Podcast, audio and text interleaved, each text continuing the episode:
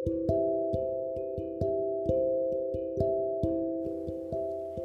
saudara, selamat malam. Salam sejahtera bagi Anda.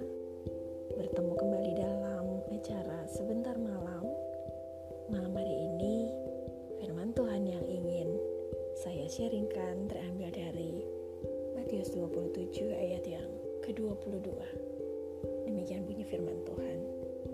Kata Pilatus kepada mereka, "Jika begitu, apakah yang harus kuperbuat dengan Yesus yang disebut Kristus?" Mereka semua berseru, "Ia harus disalibkan." Saudara, berdasarkan ayat tadi, saya ingin kita sama-sama mendengarkan renungan yang berjudul "Bagaimana dengan Yesus". Saudara ayah saya dulu bekerja untuk negara sebagai staf sipil Tentara Nasional Indonesia.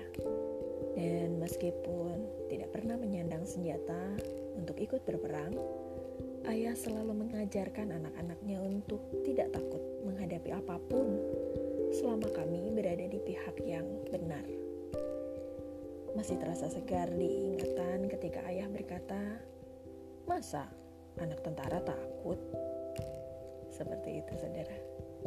Walaupun hal itu tidak serta-merta membuat kami menjadi anak-anak yang pemberani, tapi rasanya saya pribadi setiap kali mengambil keputusan selalu berpikir, apakah hal itu tidak akan mempermalukan ayah sebagai seorang tentara.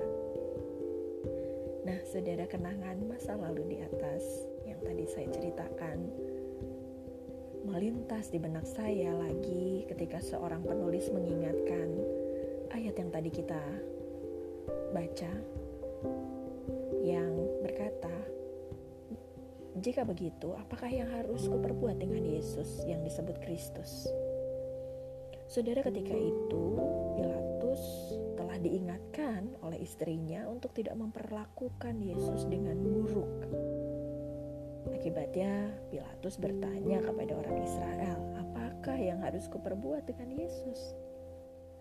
Saat dihadapkan dengan pilihan-pilihan yang sulit, pernahkah kita bertanya pada diri sendiri, "Kalau saya mengambil keputusan itu, bagaimana dengan Yesus?"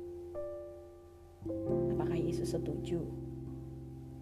Dan Akankah hal itu membuat nama Yesus dipermalukan? Apakah sebagai anak Tuhan saya pantas melakukannya?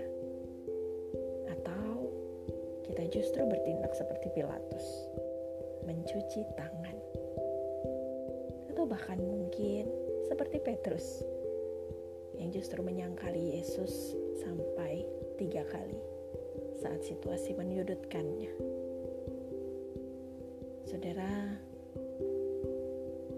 seseorang bernama Grace lahir dengan tubuh yang tidak lengkap.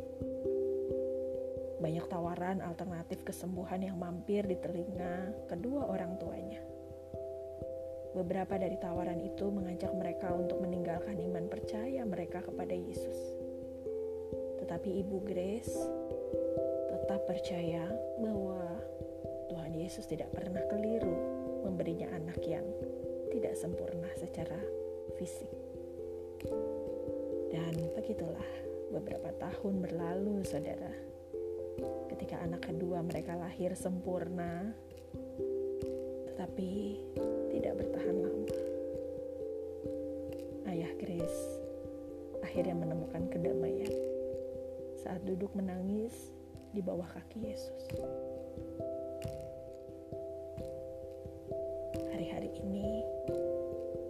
Apakah sakit penyakit, tekanan ekonomi, gunjingan orang mungkin, atau situasi yang lain yang tidak bisa Anda ceritakan sudah membuat Anda bimbang dengan kuasa Yesus, saudara.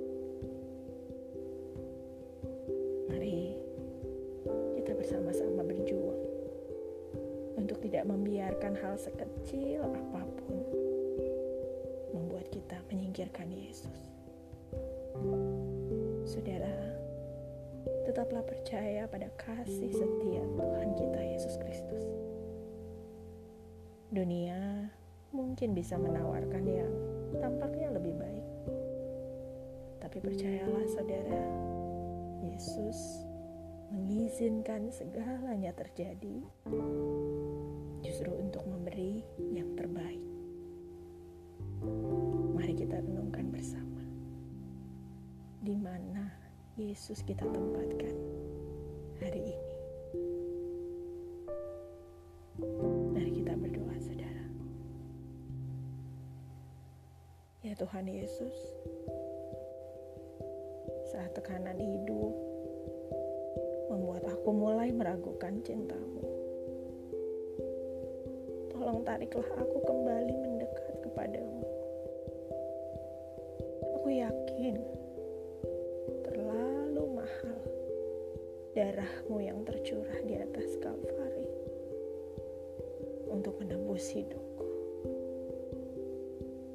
Ya Tuhan Yesus, peganglah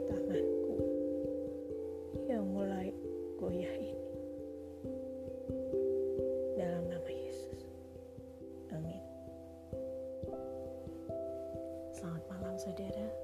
Kasih Tuhan Yesus kiranya terus membalut hati, roh dan jiwa kita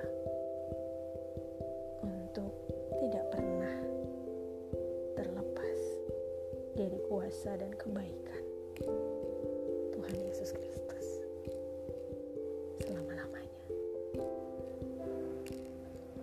Selamat beristirahat bagi Anda dan selamat melanjutkan aktivitas bagi Anda yang bertugas malam hari ini.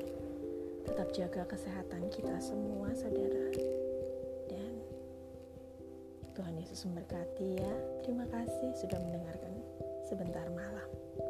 Sampai bertemu kembali. God bless you.